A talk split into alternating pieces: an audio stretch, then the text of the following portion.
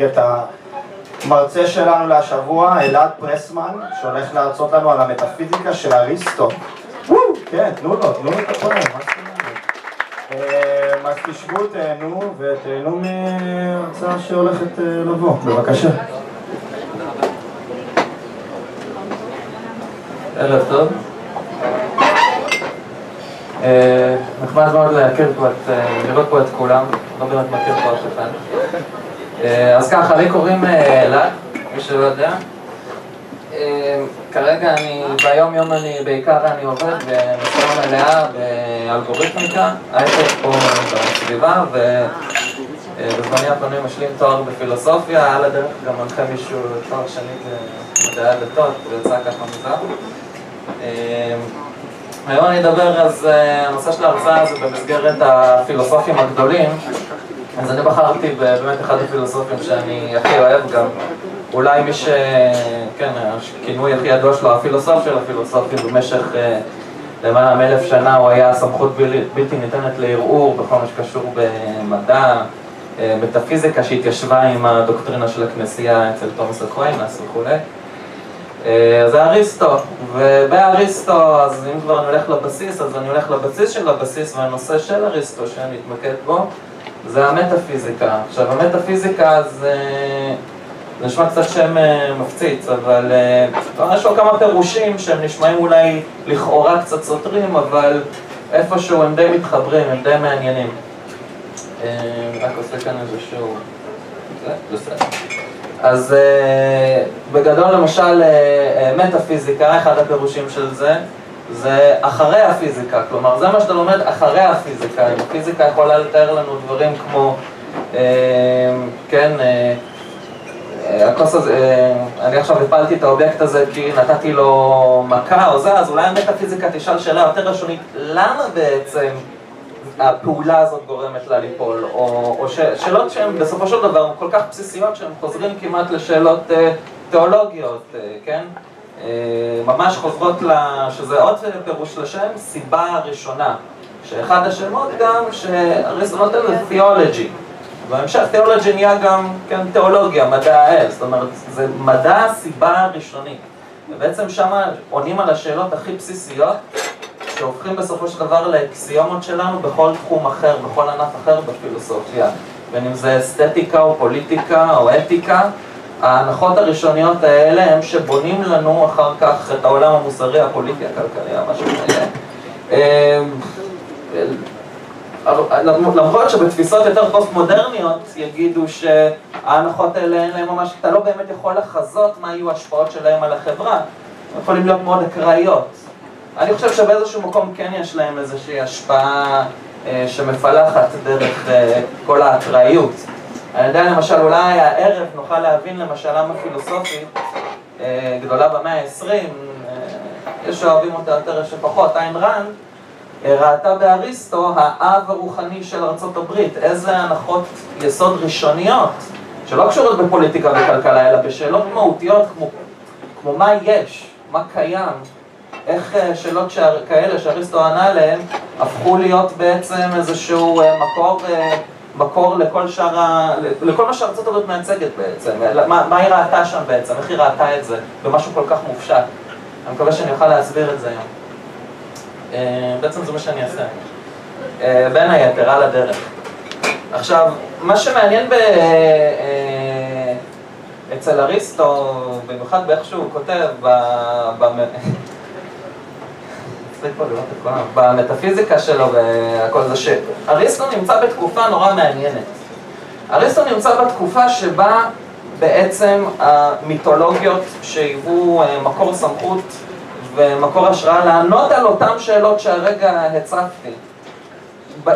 זה הרגע שבו המיתולוגיות, דרך עוד כל מיני פילוסופים פרסוקרטיים, אפלטון, ועד שזה מגיע באמת בשיא לאריסטו, אנחנו רואים את, את, את הפילוסופיה וההתמודדות עם השאלות הזאת, האלה עולה למעלה מהתמודדות מש, של משלים, של מיתוסים, להתמודדות שאנחנו, יותר מוכרת לנו כפילוסופית.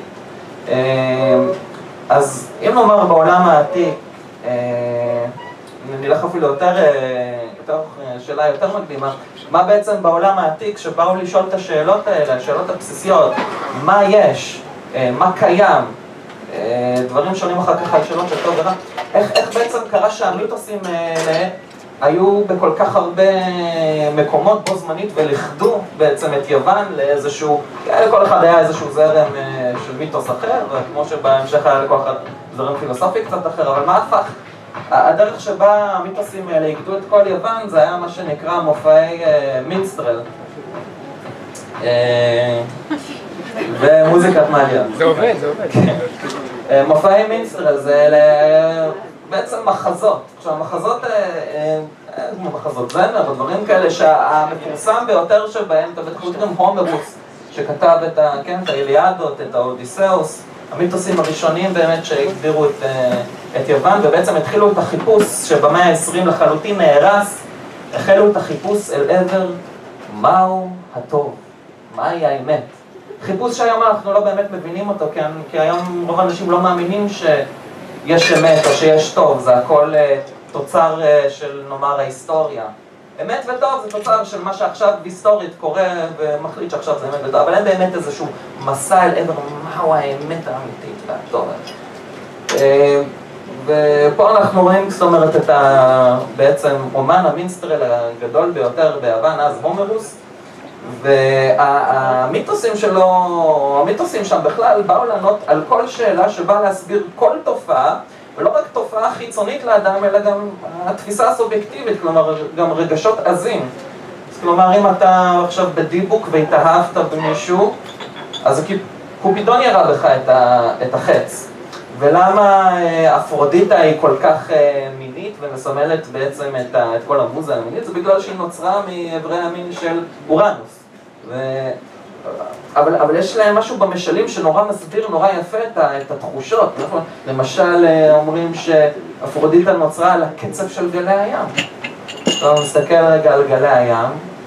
ואנחנו נוכל להתחבר רגע לתחושה הזאת של ה...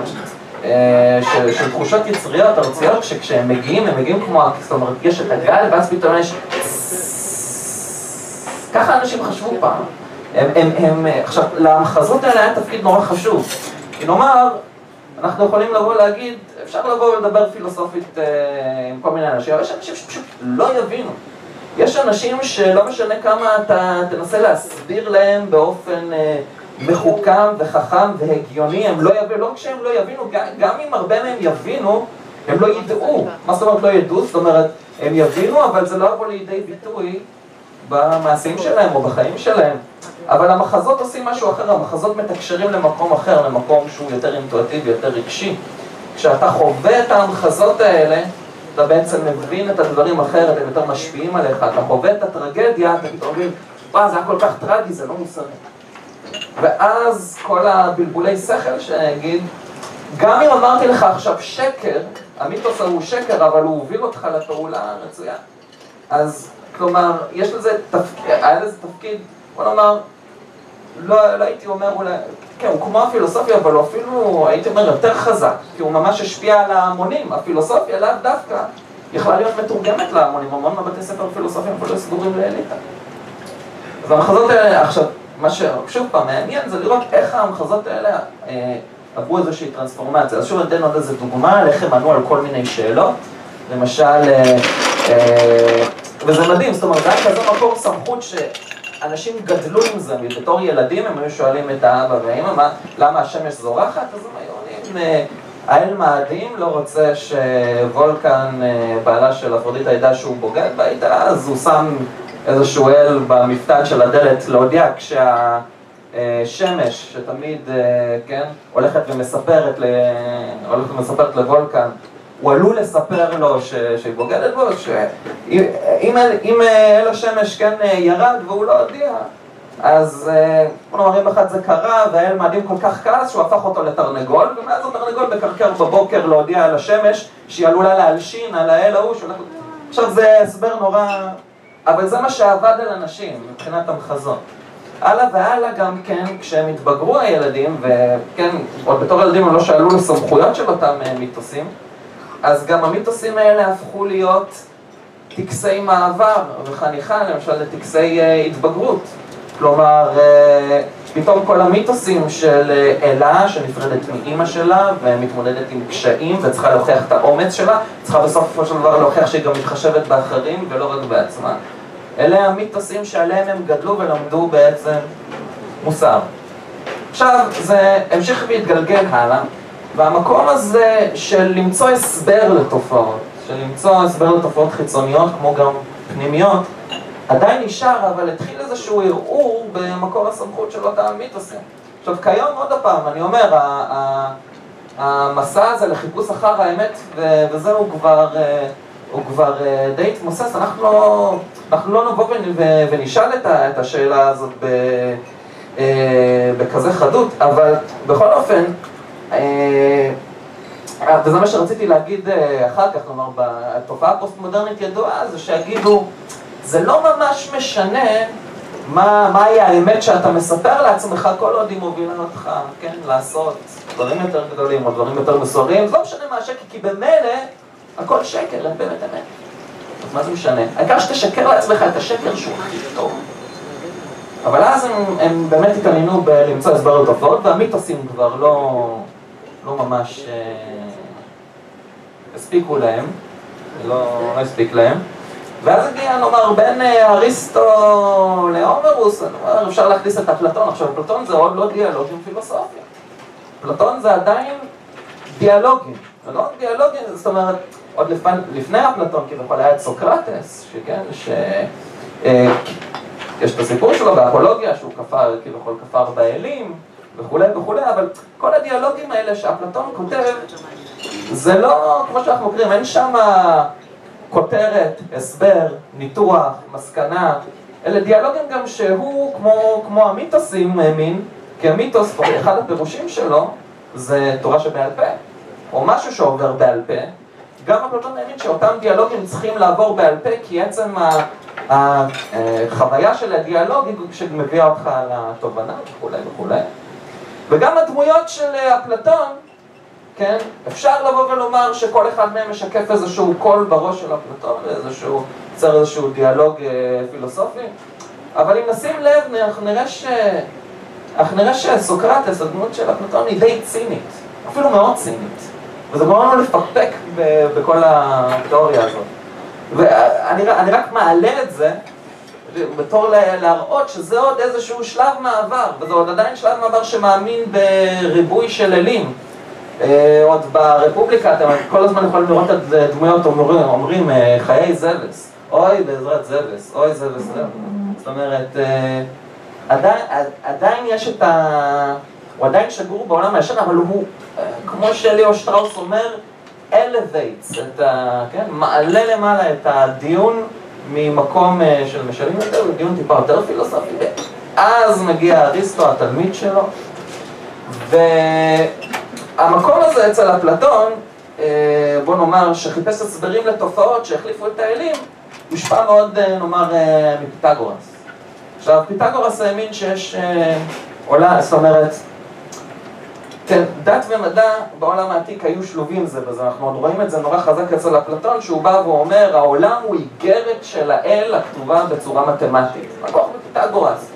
כלומר, מאחורי כל דבר יש מספר, מאחורי כל תופעה יש מספר, סוס זה 88.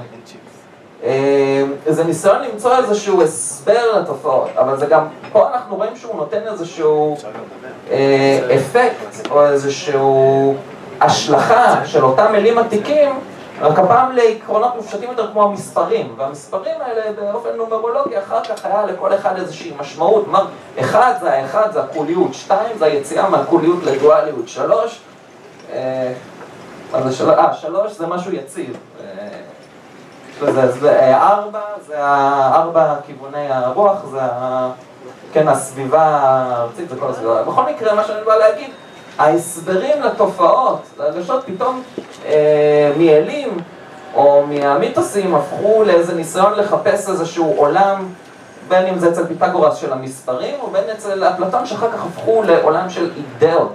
שבאים להסביר את התופעות. עכשיו, חשוב, עכשיו נתעכב אולי רגע על העניין הזה של האידאות אצל אפלטון, כי אז אנחנו נבין מה בעצם אריסטו בא, בא לעשות ולשכלל, מעבר ללקחת ולהמשיך הלאה את התהליך של מעבר ממיתוס לפילוסופיה, מה בעצם הוא, הוא לקח מאפלטון ומה הוא דחה ממנו. אה, עכשיו, אותם הסברים לתופעות, כלומר פיתגורה סימל במספרים, ושכן, במיתוסים סימלו את ההסברים האלה כאלים, אז אפלטון אה, נתן לאיזשהו עולם שהוא אידאות, שזה לא כזה, בוא נאמר, כמו שהגל אה, אומר, הבסיס של הפילוסופיה, ואם אנחנו היום נעסוק במטאפיזיקה, וזה הבסיס, זה, נמצאת, זה עניין שנמצא בכל מקום, זה המתח בין הפרט לכלל. רואים את זה נורא חזק בפוליטיקה, בין פוליטיקה שהיא נורא אינדיבידואליסטית לפוליטיקה שהיא נורא חברתית. היום זה נורא להיות חברתי למשל, פעם זה היה יותר נעים להיות אה, אה, אינדיבידואליסט. אבל, אבל המתח בין השתיים הוא מתח עקרוני פילוסופי שנמצא לא רק בפוליטיקה. הוא נמצא למשל כשאנחנו מדברים על עצמים. עצמים הם די מרכז הכובד של כל השיח המטאפיזי. אז, אז נאמר, במקום אה, המספר 88, שייצג כל סוס אפשרי באופן דומה, או יש מספרים, כן, שמייצגים את הסוס הספציפי הזה, לפי פיתגורס וזה, אבל הרעיון הוא שיש עולם אחר, שהוא נעלה יותר, שבו יש הסברים מופשטים יותר לתופעות שאנחנו תופסים בעולם המתכלה. אה, אפלטון לקח את אותם מספרים והפך אותם, נאמר, לאידאות שהם כמו, נאמר, דרך הכי, הכי, אני חושב, קלה להסביר את זה, זה מושגים. מה זה מושגים, ומה הקשר שלו למתח בין הפרט לכלל? מושג זה למשל המושג אה, שולחן. יש לא אין סוף שולחנות, אבל יש מלא שולחנות, וכל אחד שונה אחד מהשני, אבל המושג שולחן הוא אחד. יש כאן איזשהו מתח בין המושג האחד הזה לכל תצורותיו השונים ב... בעולם הקצת דמיוני, המתכלה שלנו, ממשיך הלאה, שהוא לא אידאי, שהוא לא מחשבתי, אין בו, כן, המושג שולחן כביכול, אנחנו לא רואים אותו, אנחנו רואים שולחנות, אבל המושג שולחן, עכשיו בשביל אפלטון המושג הזה שולחן, עצם זה שאתה רואה שולחן ואתה מזהה אותו, כאילו באיזשהו אפקט של איזו היזכרות, ראיתי ואז נזכרתי. זה כאילו, זה מה שהופך את המושג שולחן, שעוד פעם, הוא מצביע על משהו כללי, זה מה שהופך את המושג שולחן ליותר אמיתי מכל שולחן פרטי אחר, שהוא נגזרת של אותו שולחן כללי, של אותו מושג.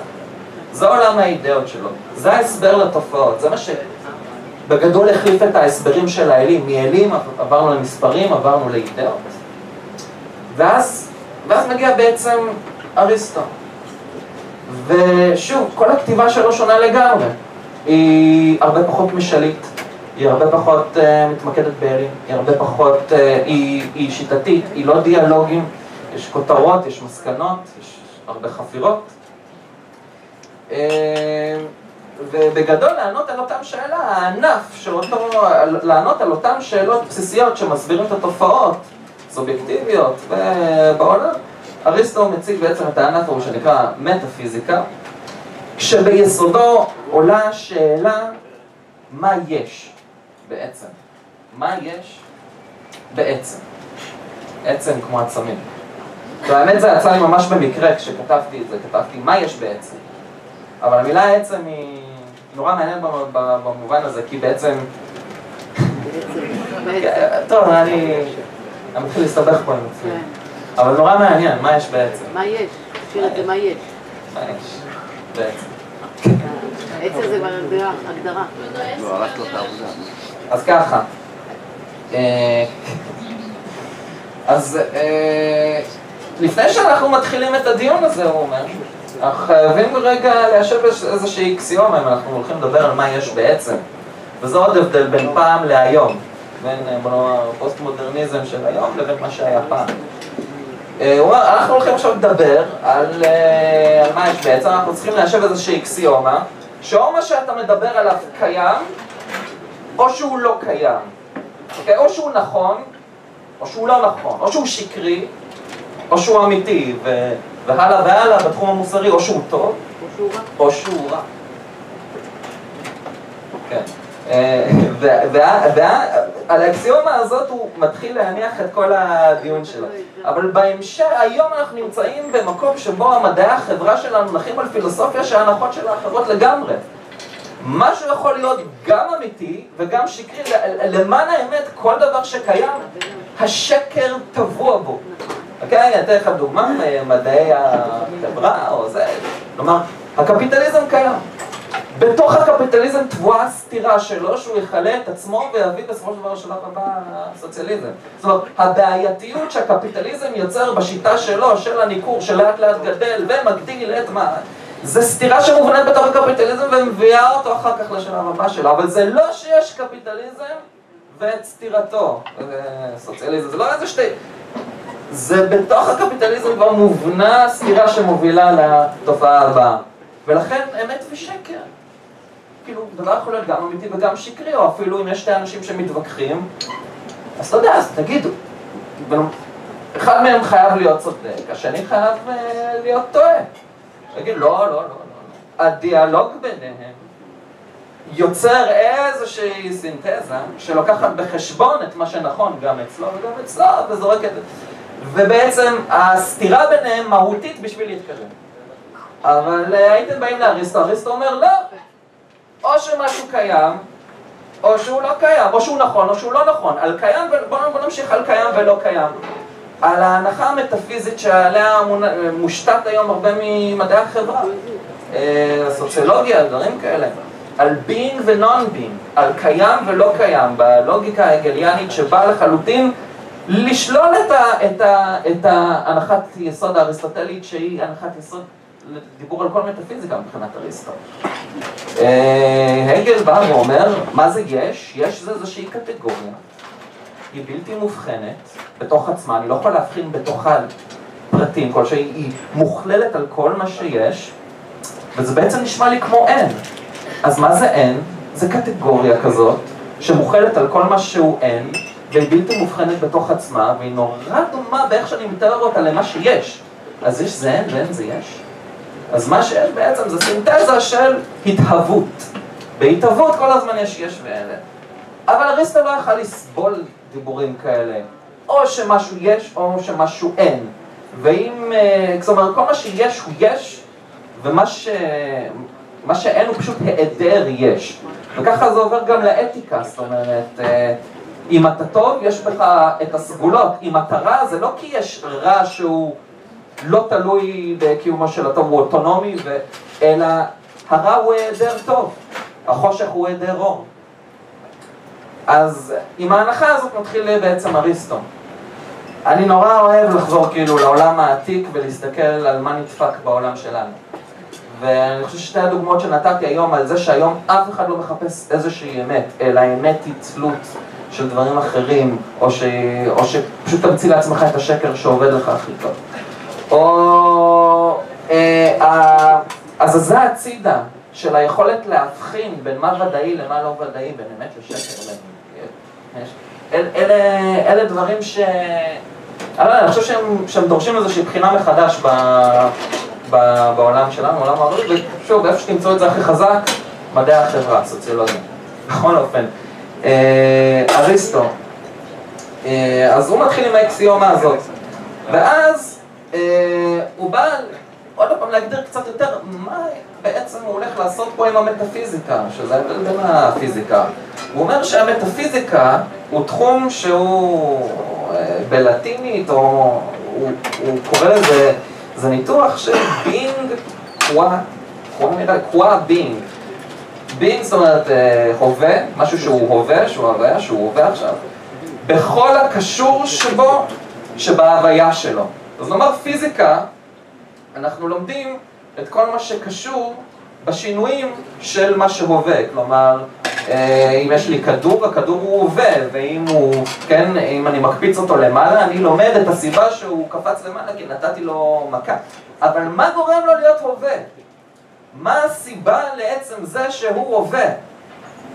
זה נשמע כמו שאלה אבסורדית, זה, וזה, יכול להיות שזה כן, אני לא יודע, אבל אז נשמע שאלה ממש, זאת אומרת, הבן אדם ישב וממש בא לשאול את השאלה הכי, הכי מהותית, הכי, עוד פעם, על גבול האבסורד. מה יש בעצם? מה גורם להווה להיות הווה? מה גורם ליש להיות יש? בחינה של בינג, קווה בינג. הווה בכל הקשור להוויה שלו. אז הוא... אה, מתחיל לעשות אה, איזשהו ניתוח. בשביל זה הוא צריך לחזור אחורה כמובן לפיזיקה שלו. עכשיו, רגע, אני נקודה אחת די חשובה שאני לא רוצה לפספס.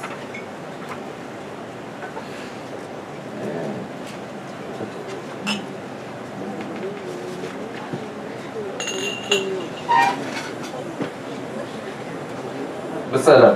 אז ככה, אז הוא... הוא בא והוא מנתח, מה, מה, מה הוא בעצם אמר בפיזיקה על דברים שהם הווים? כל דבר שהוא הווה בעצם, גם יש לו, גם יש לו איכויות, אה, אבל בסופו של דבר הוא אומר, השאלה של מה הווה היא שאלה של מה, מהו בעצם עצם, עצמים. למה? כי הדבר היחיד שהוא הווה מבחינתו של אריסטו בניגוד לאפלטון, בניגוד לאפלטון שאצלו הדבר שהכי קיים ממשי זה המושגים, זה האידאות, זה המושג של הסוס שממנו נגזרים כל הסוסים הפרטיים שאנחנו מזהים כסוסים. אצל אריסטו זה בדיוק ההפך, כן? זה לא המושג בן אדם שהווה, זה אלעד שהווה. אני מגיע לאלעד וזה התחום, הוא, הוא כאילו בלתי ניתן לחלוקה, זאת אומרת אני מגיע לבסיס, לאלעד. עכשיו אלעד זה לא איזה הגדרה של איזה משהו כללי, אני לא יכול ללמוד ממני, עליי, מאלעד, על יותר מדי על, אה, על משהו מעבר, או על המושגים לפחות שאפלטון אה, אה, מדבר עליהם, אלא אם כן אני עכשיו, כן, נתקל בעוד בן אדם, בעוד בן אדם, בעוד בן אדם, ואז עושה לו פורמליזציה של מה בעצם משותף לכולם. אבל זה בדיוק ההבדל ביניהם. כשאפלטון מתחיל עם מה שמשותף לכולם, הוא מבין מה שמשותף לכולם, מגיע לעולם ומזהה את זה. אבל אצל אריסטו זה אחרת. כל בן אדם אינדיבידואל הוא בעצם מה שהווה, הוא בעצם מה שיש. וכשאני נתקל בעוד אחד ועוד אחד ועוד אחד ועוד אחד ועוד אחד, אז אני לומד מה המהות, הצורה הכללית של אותו אה, אה, עצם. אבל איך הוא מגיע לזה ש... שאתה צריך לחקור בכלל מה זה עצם? למה השאלה של מה הווה זה בעצם שאלה של אה, מה זה עצם? אז זה חוזר למקום הזה שמה ש... מה ש... בוא נאמר, מה שהווה, או בעצם מה יש, הוא רוצה להגיע לדבר שהוא, הוא, בוא נאמר, בלתי מותנה. זה לא איכות שיש לך בדברים אחרים. כי למשל גם, אה, כן, אה, הצבע חום קיים, אני חווה אותו, אני מתנסה בו, אבל חום הוא של משהו. כלומר, הסוס הוא חום. אבל הסוס, ג'רי הסוס, הוא זה שבלתי ניתן לחלוקה, הוא הדבר הזה שכשאני נתקל בו, הוא מה שהווה. החום זה משהו שאני יכול להשליך עליו בדברים, אז, אז זה לא יכול להיות אחד מהאיכויות המשניות האלה. צבע, יחס, גובה, גודל, אה, כן, דברים כאלה. זה צריך להיות משהו יותר מהותי. ובקטגוריות שלו יש לו קטגוריות משניות, מה שאמרתי עכשיו, יש לו קטגוריה ראשונית, שזה בעצם העצם הראשוני, זה העצם האינדיבידואלי. ולכן בסופו של דבר, ובהיפוך מאפלטון, הוא בא לשאלה הזאת מה יש בעצם, מה הווה, השאלה של מה הווה, זה שאלה של מה זה עצם. כדי לענות על השאלה הזאת, מה זה עצם, הוא צריך לחזור לפיזיקה שלו. אנחנו עכשיו הרי במטאפיזיקה. אז בפיזיקה שלו הוא עושה הבחנה נורא מעניינת. הוא אומר, יש כל, כל עצם חייב להיות, אה, באנגלית יש מילה נורא יפה, compound, הרכבה, הוא מורכב מ... כן. אה, אבל לפני שאני הולך לזה אמרתי כאילו, אמרתי שעצם, הוא בוחר בעצם אינדיבידואלי כי עצם הוא לא, הוא לא איזה קטגוריה משנית של משהו אחר, אבל יש עוד מאפיין שהוא לא, אוקיי? הוא גם, יש עוד מאפיין שאומרים על דברים, שזה דבר נורא חשוב נאמר באיך אריסטו מאמין שאנחנו רוכשים ידיעה, זה שדברים שאתה אומר עליהם, נאמר עליהם ש.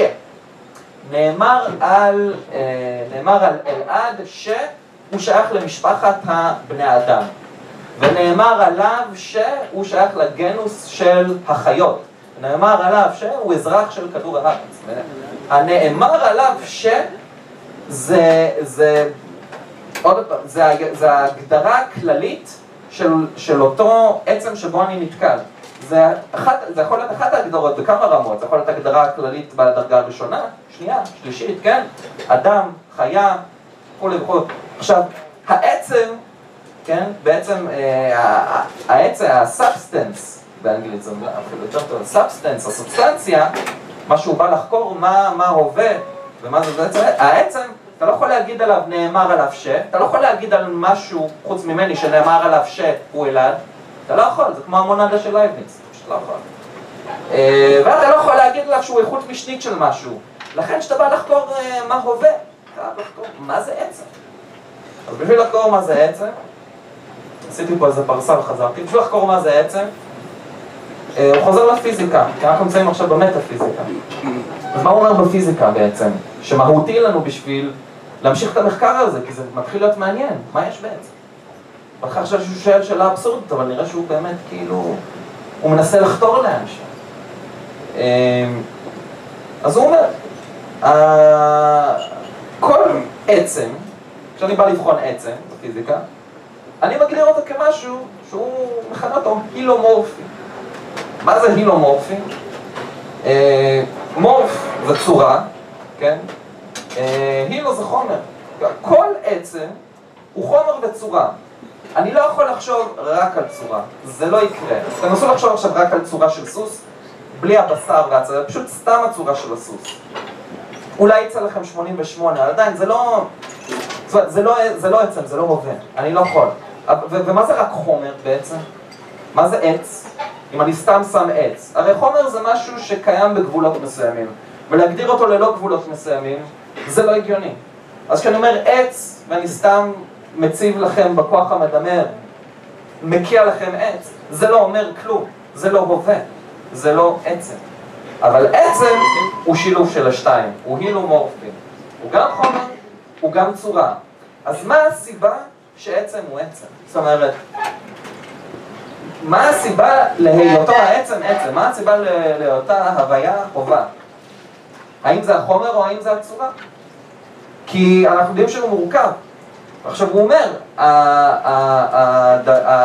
הסיבה הזאת, זאת אומרת, עכשיו משתנה קצת השאלה, זה לא כבר מה יש בעצם, מה גורם לו להיות אה, הדבר שהוא, מה גורם לו להיות יש. אז פה במטאפיזיקה באמת השאלה שלו קצת עושה שיפט, אבל הוא עדיין מנסה לענות כאן על, על המהות, על הבסיס. אה, הוא אומר אבל שהמהות הבסיס לא יכול להיות משהו מורכב, הוא לא יכול להיות ההרכב הילומורפי, הוא חייב להיות, אחד מהם חייב להיות ראשוני לשני. אחד מהם חייב להיות, אה, כן, זה חייב, הסיבה שאותו הווה הווה חייב להיות או חומר או צורה. זה לא יכול להיות אה, משהו מורכב. אז אז הוא מתחיל לבדוק, אה, בוא נראה את החומר. והבחינה שהוא עושה לגבי אה, החומר, הוא בודק. האם חומר יכול להיות אה, אינדיבידואלי, זאת אומרת, משהו יחידני אינדיבידואלי, והאם אה, חומר אה, הוא לא, כאילו יכול להיות, זאת אומרת, לא שייך למשהו אחר, אלא הוא, הוא לא איכות של איזה משהו אחר. לכאורה אנחנו יכולים לבוא ולהגיד, אה, ניקח איזשהו עץ, החומר שממנו עשוי, קרון אם נכרות את העץ, העץ לא קיים, אבל החומר שלו עדיין קיים בצורה בלתי תלויה. יש, יש בזה איזשהו משהו הגיוני, וה... וה כן? אבל אריסטו יגיד שזה לא...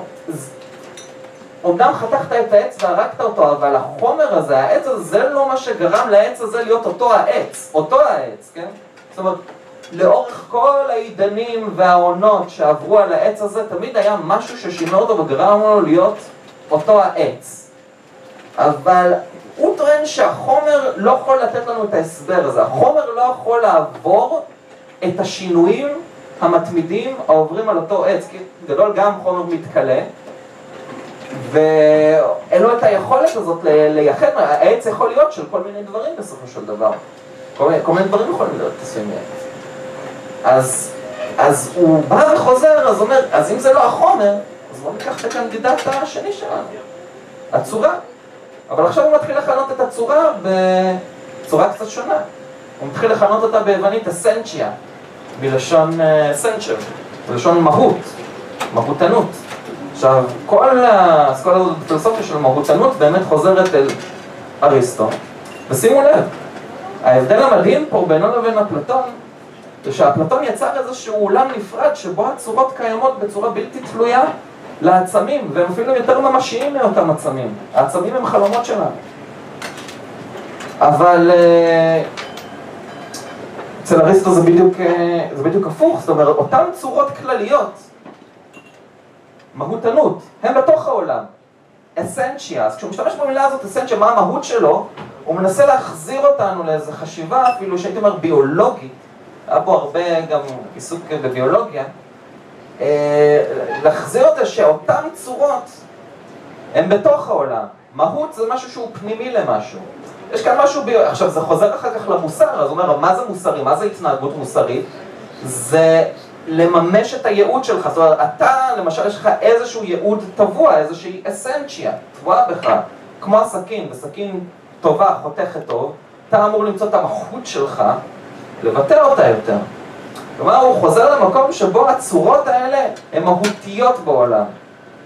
עכשיו, אה, אותן צורות פתאום, האסנצ'יה, המהויות, מתחילות להיות קנדידט די מעניין עבורו להסביר מה הופך בעצם עצם להיות עצם, מה הופך חווה להיות הווה. היה. עכשיו, זה מעניין מאוד בשביל לחדד, רגע, לפני שנמשיך הלאה לתשובות שלו, לתשובות שלו, לחדד את ההבדלים האלה בין חומר לבין צורה, אה, ואיך שהוא רואה אותם. אז למשל, אה, בואו נתחיל עם דברים ש... נתחיל עם דברים בסיסיים, למשל, אה, אני יודע, שולחן עץ, החומר שלו הוא עץ, הצורה שלו, כן, ארבע רגליים. ילד כשהוא נולד, אז הוא יגיד משהו כזה, הבשר שלו זה, זה החומר, כן, הגוף זה החומר, הנשמה זה הצורה, מה שמנפיש אותו. לא. פתאום חומר וצורה מתחילים לקבל עוד ועוד ועוד ועוד ועוד, אה, כן, שכבות. במקרא, אגב, אם תקראו רגע את המקרא, או תנסו להסתכל על, על המקרא מעיניים של הרמב"ם, שהיה מאוד אריסטוטלי, הוא, הוא יגיד לכם, מעשה בראשית, מה זה מעשה בראשית? עונה על השאלות הראשונות, המעשה הבראשיתי, הסיבות הראשונות, הדברים הראשונים. ומה אנחנו לומדים שם? התשתית של כל מעשה בראשית. בראשית ברא את השמיים ואת הארץ, את האדמה ואת, כן, צורה וחומר. איך הוא ברא את האדם? מהחומר, מהאדמה, ונשף בו את הרוח, חומר וצורה. הכל מורכב בחומר וצורה, גם כן במקרא. אה, איך מלמדים, אה, זאת אומרת, איך אתה לומד על הצורות הכלליות של הדברים? אה, האלו בא לאדם ואומר לו, אתה עכשיו יכול לבוא ולהגדיר לעצמך כל אלה ציפורים, וכל אלה בהמות, וכל אלה...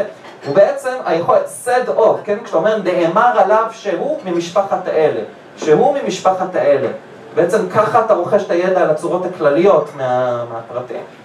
אז אנחנו רואים גם כן במקרא דברים שכנראה קסמו מאוד לעיניים האריסטוטליות של הרמב"ם. אה, אה, בכל אופן, אה, בואו נחדד עוד קצת את העניין הזה של חומר וצורה. דברים שהם בכוח ודברים שהם בפועל, אוקיי? אז חומר מדבר איתנו על דברים שהם בכוח, שהם בפוטנציאל. אם יש לי עץ, בפוטנציאל הוא יכול להיות שולחן, בפוטנציאל הוא יכול להיות גם כיסא. אבל אקטואלית, הצורה של, זאת אומרת, הוא יהיה, הוא יהיה שולחן אקטואלית ברגע שתיקח את העץ ותיתן לו את הצורה של שולחן. כלומר, החומר הוא בכוח, הצורה היא בפועל. כבר הצורה מתחילה לקבל איזשהו מימד יותר ראשוני מהחומר. היא מה שמגדירה את העצם שאיתו אנחנו באים אה, במפגש. ככל שיש לו יותר צורה, הוא יותר אקטואלי. כלומר, אם אני אקח עכשיו אה, אבנים שאני בונה מהם אה, בניין, בונה מהם בית, אז אני לאט לאט בונה את הבית, אני לאט לאט לאט נותן לו את ה... עכשיו האבנים האלה הם בפוטנציאל הבית, אבל לאט לאט הוא מקבל את הצורה עד שהוא נהיה הבית, אבל הוא גם כן יכול לאבד את הצורה ויכולה לבוא סופה, ברגע שהוא מאבד את הצורה הוא כבר פחות בית. אז הצורה פתאום, אנחנו רואים, יותר מגדירה את מה זה העצם הזה שאיתו אנחנו באים אה, במגע, אפילו יותר מאשר החומר. כי, כן? אה, עוד משהו, אז, אז נאמר פוטנציאלי ואקטואלי, אז הוא יכול לבוא ולדבר על נאמר משהו קצת יותר מופשט, כמו אינסוף.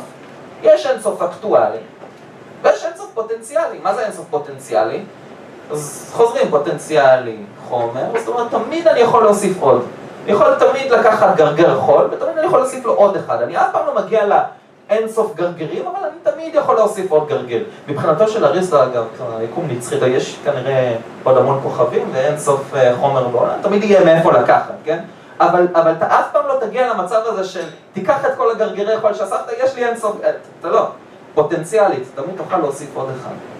אקטואלית, זה לבוא במפגש עם האינסוף עצמו, זאת אומרת האינסוף כבר הוא אחד בעצם, זה כזה קצת סותר, זה, זה כמו שאני עכשיו אכתוב במתמטיקה אינפינטיסימלית, אני אפתור תרגיל עם האינסוף האקטואלי בעצם, זאת אומרת אני אתייחס אליו כאל אינסוף אקטואלי בזמן שאני פותר את התרגיל. אני לא חווה אותו, אני לא בא איתו במגע, בחוויה, אבל הוא אקטואלי מבחינתי. זה מוזר, כאילו אקטואלי אני יכול לדבר עליו, אבל זה, זה אקטואלי, זאת אומרת... אה, זה אריסטו, זה, המילה אקטואלי זה יותר אולי באנגלית, זה actual. Actual, זאת אומרת, מדבר על actual, על הדבר הזה actual, זאת אומרת, הצורה שלו יותר בולטת, כן? It's more actual. Uh, הוא, הוא מגיע לביטוי יותר מלא של הצורה שלו. ממשי. more actual. ממשי, לא? ממשי, יפה, תודה. אולי הייתי ישן עליי אם לא היית עכשיו. אה, בואי, אה, אוקיי, אז אה, זה לגבי אה, חומר וצורה, וההשלכות שלהם, אה, לגבי איך הוא אחר כך מנתח אה, דברים. בואו בוא ניקח למשל אחר כך סיבתיות. אוקיי, אז התחלנו עם, ה, עם זה שהאנשים עם, דרך המיתוס ניסו לחפש סיבות לחוויות הסובייקטיביות שלהם, לתופעות. בסופו של דבר, אריסטו, כן, מפלח בין כל האלים, בין כל האידאות, והכל הכל, ואומר, בואו נעשה את זה מסודר, חבר'ה, אתם, אתם, פה יש כאן שיח נורא נורא, בואו נעשה את זה מסודר, יש ארבע סוגי סיבות וזהו. כן, אז יש את הסיבה החומרית, יש את הסיבה הצורנית, יש את הסיבה הפועלת, ויש את הסיבה התכליתית. עכשיו הם מקבילים זה לזה. אנחנו נראה שהסיבה החומרית נורא קשורה בסיבה הפועלת. והסיבה הצורנית, שקשורה בצורה של דבר, נורא קשורה בסיבה התכליתית של אותו דבר. אז אה, בואו נקווה שלא יתבלבל בדוגמה, יותר מדי, אבל בואו ניקח למשל דוגמה, אה, פסל, מעץ. אז פסל מעץ, הסיבה החומרית שלו היא עץ, הוא עשוי מעץ, ולכן הוא פסל ככה איכשהו. סיבה הצורנית שלו, אה, שהוא נהיה ככה פסל, זה הוא קיבל את הצורה של הפסל, או מה שהוא לא מייצג, ועכשיו הוא הדבר הזה. הסיבה הפועלת שלו זה הנגר, או מי שפיסל את הדבר. הסיבה התכליתית שלו, כן, אם זה נאמר אה, כיסא, לשבת עליו. וכשהוא מממש את הגאות שלו, של לשבת עליו, הוא בעצם נמצא יותר אקטואלית בצורה שלו. ככל שהוא יותר אקטואלית בצורה שלו, הוא מממש יותר את הגאות שלו. ועכשיו אנחנו חוזרים עוד פעם לעניין הזה של מהות, מהותנות. כלומר, הצורה היא מהותית בתוך העצם, היחידני, האינדיבידואלי, אבל היא מגדירה לנו גם כן את התכלית של אותו דבר. זה לא משהו שהחומר יכול לעשות. בעתיד, אחר כך, אה, כשמתפתח המדע החדש, הוא לא יכול להתפתח, כל מי שהיה אמון על לפתח את המדע החדש היה קודם כל צריך להתקיף את אריסטו. אבל זה די מסוכם היטב אצל פרנסיס בייקון שבסוף אמר, טוב בואו בוא נישאר רק עם הסיבה החומרית והפועלת, וזה יהיה המדע שלנו. סיבות תכליתיות וכן, ו- וצורניות הם, יות- הם גם פחות ממשיים, גם פחות אנחנו יכולים להתעסק איתם, אבל גם זאת אומרת, תכליות, ההגדרות שלהם הם אולי, אפשר לומר, אני לא, לא בטוח שפרנסיס בייקון אולי אמר, אבל אולי הם יותר אנושיות, אתה יותר זה שמגדיר את התכלית, אתה זה שהגדיר שעל כיסא יושבים בסופו של דבר, אבל הוא אומר בואו בוא נתמקד בחומרי ובסיבה הפועלת, וזה היום המדע שאנחנו מכירים. מה גורם בעצם למשהו לקרות כפי שהוא קורה, כן? אה, אז זה נורא מחדד לנו את ההבדל בין חומר לצורה, ולמה בעצם הוא מתחיל לראות בצורה משהו שהוא יותר מהותני מהחומר. אוקיי, רגע. בסדר. ולמה יש בעצם בצורה משהו אה, מהותני יותר מבחומר? אה, עכשיו, הוא מגיע לעוד מסקנה נורא מעניינת. כי בסופו של דבר, וזה פה נאמר המקום שבו אה, מתחילים להגיד, רגע, אריסטו היה תלמיד של אפלטון? אז הוא בא לסתור את אפלטון, או שהוא בא לחזק את אפלטון, זה לא ממש ברור, כי מצד אחד הוא מתחיל ממקום שמתייחס אל העצמים הפרטיים כמה שממשי, כמה שקיים, כמה שהוא בוחן. בניגוד לאפלטון שהוא מדבר על הידיעות הכלליות. אז, אה, אה, אז בגדול, אה, מש, כשהוא בא... וואי, איבדתי את עצמי לגמרי.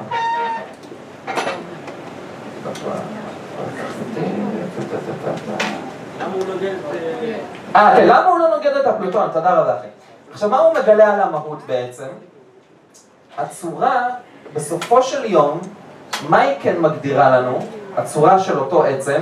היא מגדירה לנו את הצורה הכללית מהדרגה הראשונה ביותר של אה, אותו, אותו עצם שאנחנו באים לבחון. כלומר, ברגע שאני מבין מה המהות של, ה, של, ה, של הדבר, נאמר, אה, כן, אני מגיע לומר, אוקיי, אלעד הוא העצם הראשוני שאיתו אני נתקל, אבל משהו במהות שלו משרטט לי את הצורה הכללית של בני אדם. אני לא יכול אה, ללכת על צורות כלליות יותר ולשייך אותו אה, לצורות כלליות יותר מהמהות שלו, אבל מה, מה כן המהות ש, שלו יכולה להגיד לי? יכולה לספר לי על הצורה הכללית מהדרגה הראשונה שלו. אנחנו עוצרים ואומרים, רגע, רגע, רגע, אז המהות, שהיא משהו שאמור להגדיר את העצם היחידני האינדיבידואלי, איך פתאום אתה מקשר אותו לדבר הכללי, לצורה, לאיזושהי צורה כללית אפלטונית? אז יש כמה, זאת אומרת, התשובות הכי אה, ברורות, נפוצות, חזקות, שהתגבשו עם השנים. לכל עצם אה, ראשוני, אה, עצמאי, אינדיבידואלי, יש צורה משלו, בסופו של דבר, כמספר העצמים, מספר הצורות, אבל, מה שמעניין, כמו ש...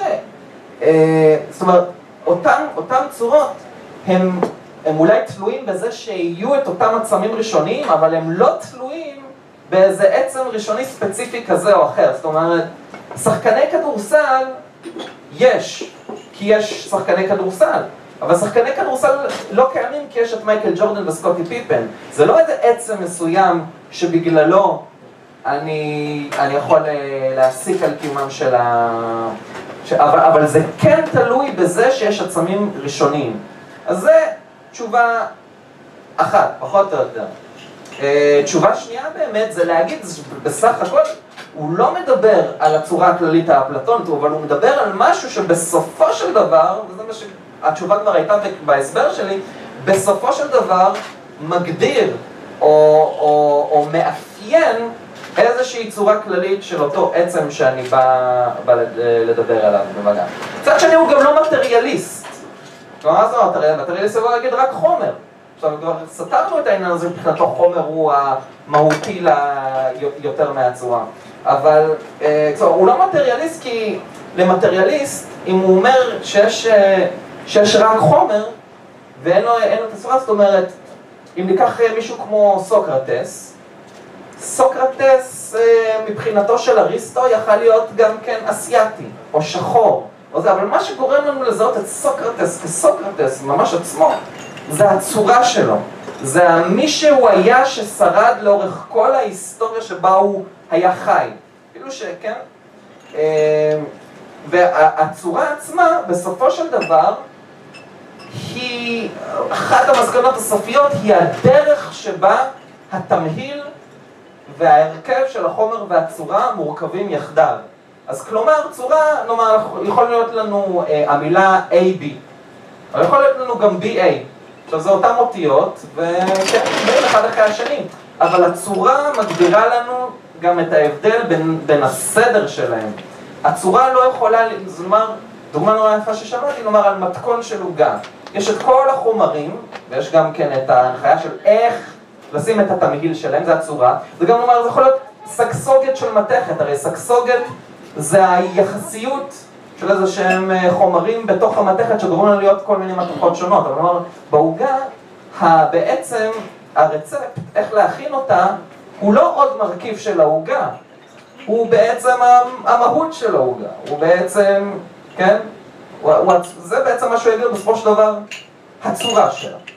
אז בסופו של דבר, הוא לא מטריאליסט, והוא לא... אה, זאת אומרת, הוא לא, הוא לא מטריאליסט ולא פלטוניסט, הוא איזשהו, משהו כמו איזשהו middle ground, ובסופו של דבר אנחנו, התשובה שהוא מגיע אליו קצת דומה לאפלטון, כן? כי הוא בא ועונה על השלב, מה גורם לנו לזהות איזשהו עצם כעצם שהוא לאורך כל הזמן, בעולם שכל הזמן משתנה, ושדברים מתכלים. בעצם בסופו של דבר הוא יגיד שזה הצורה. עוד פעם, אם אולי נחזור קצת למקרא, זו הסיבה שהתחלתי בעצם עם ההקדמה של המיתוסים, זה למשל אה, במקרא אצלנו, אפשר לראות בעצם את הדיבור האלוהי שבו הוא בורא את העולם כצורות של הדברים. כי אחת ההגדרות של צורה היא שבעצם צורה היא גם הגדרה מילונית של הדבר. למה מה יש בה?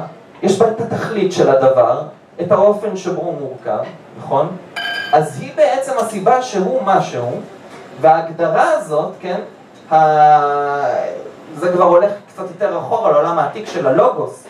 האל, או כן, או... כל דבר יש לו בעצם איזושהי הגדרה, שהיא מחזיקה בתוכה איך הדבר עצמו בעצם פועל, אוקיי? ובעצם יש משהו בסיפור הבריאה המקראי שנורא מזכיר את ה... כן, חוץ מזה שהעולם נברא אה, דרך, אה, כן, אה, בצורה אילומורפית, שמיים וארץ, אדם נברא מה, מהאדם והנשימה האלוהית. הצורות המהות, המהות של הדברים היא הדיבור, היא ההגדרה של כל דבר, כן? ויאמר אלוהים, הוא נותן את הצורה של הדבר.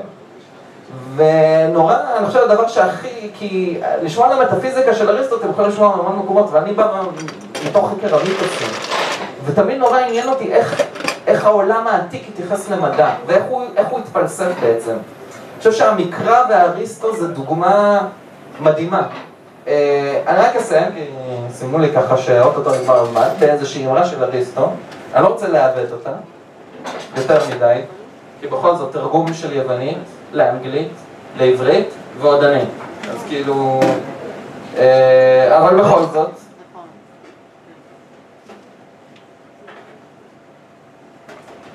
המיתוס, בסופו של דבר מה שהוא יגיד, המיתוס הוא השלד של הדברים, והמחשבה, המוטיבציה, מה שמוציא את המיתוס לפועל, זה הבשר שמולבש על השלד.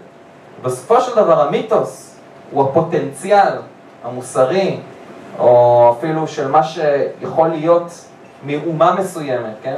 יש לה איזשהו מיתוס נכון נורא חזק, זה הפוטנציאל, המיתוס זה השלד, זה הפוטנציאל.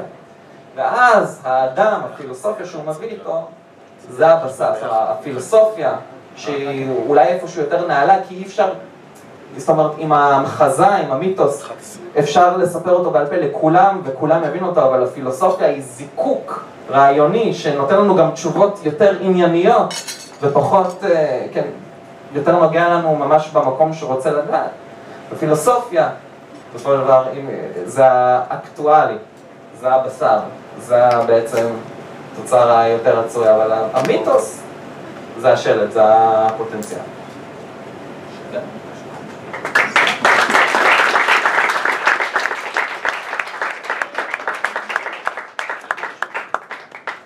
טוב, אם יש שאלות, אז תלכו עליי גאלה.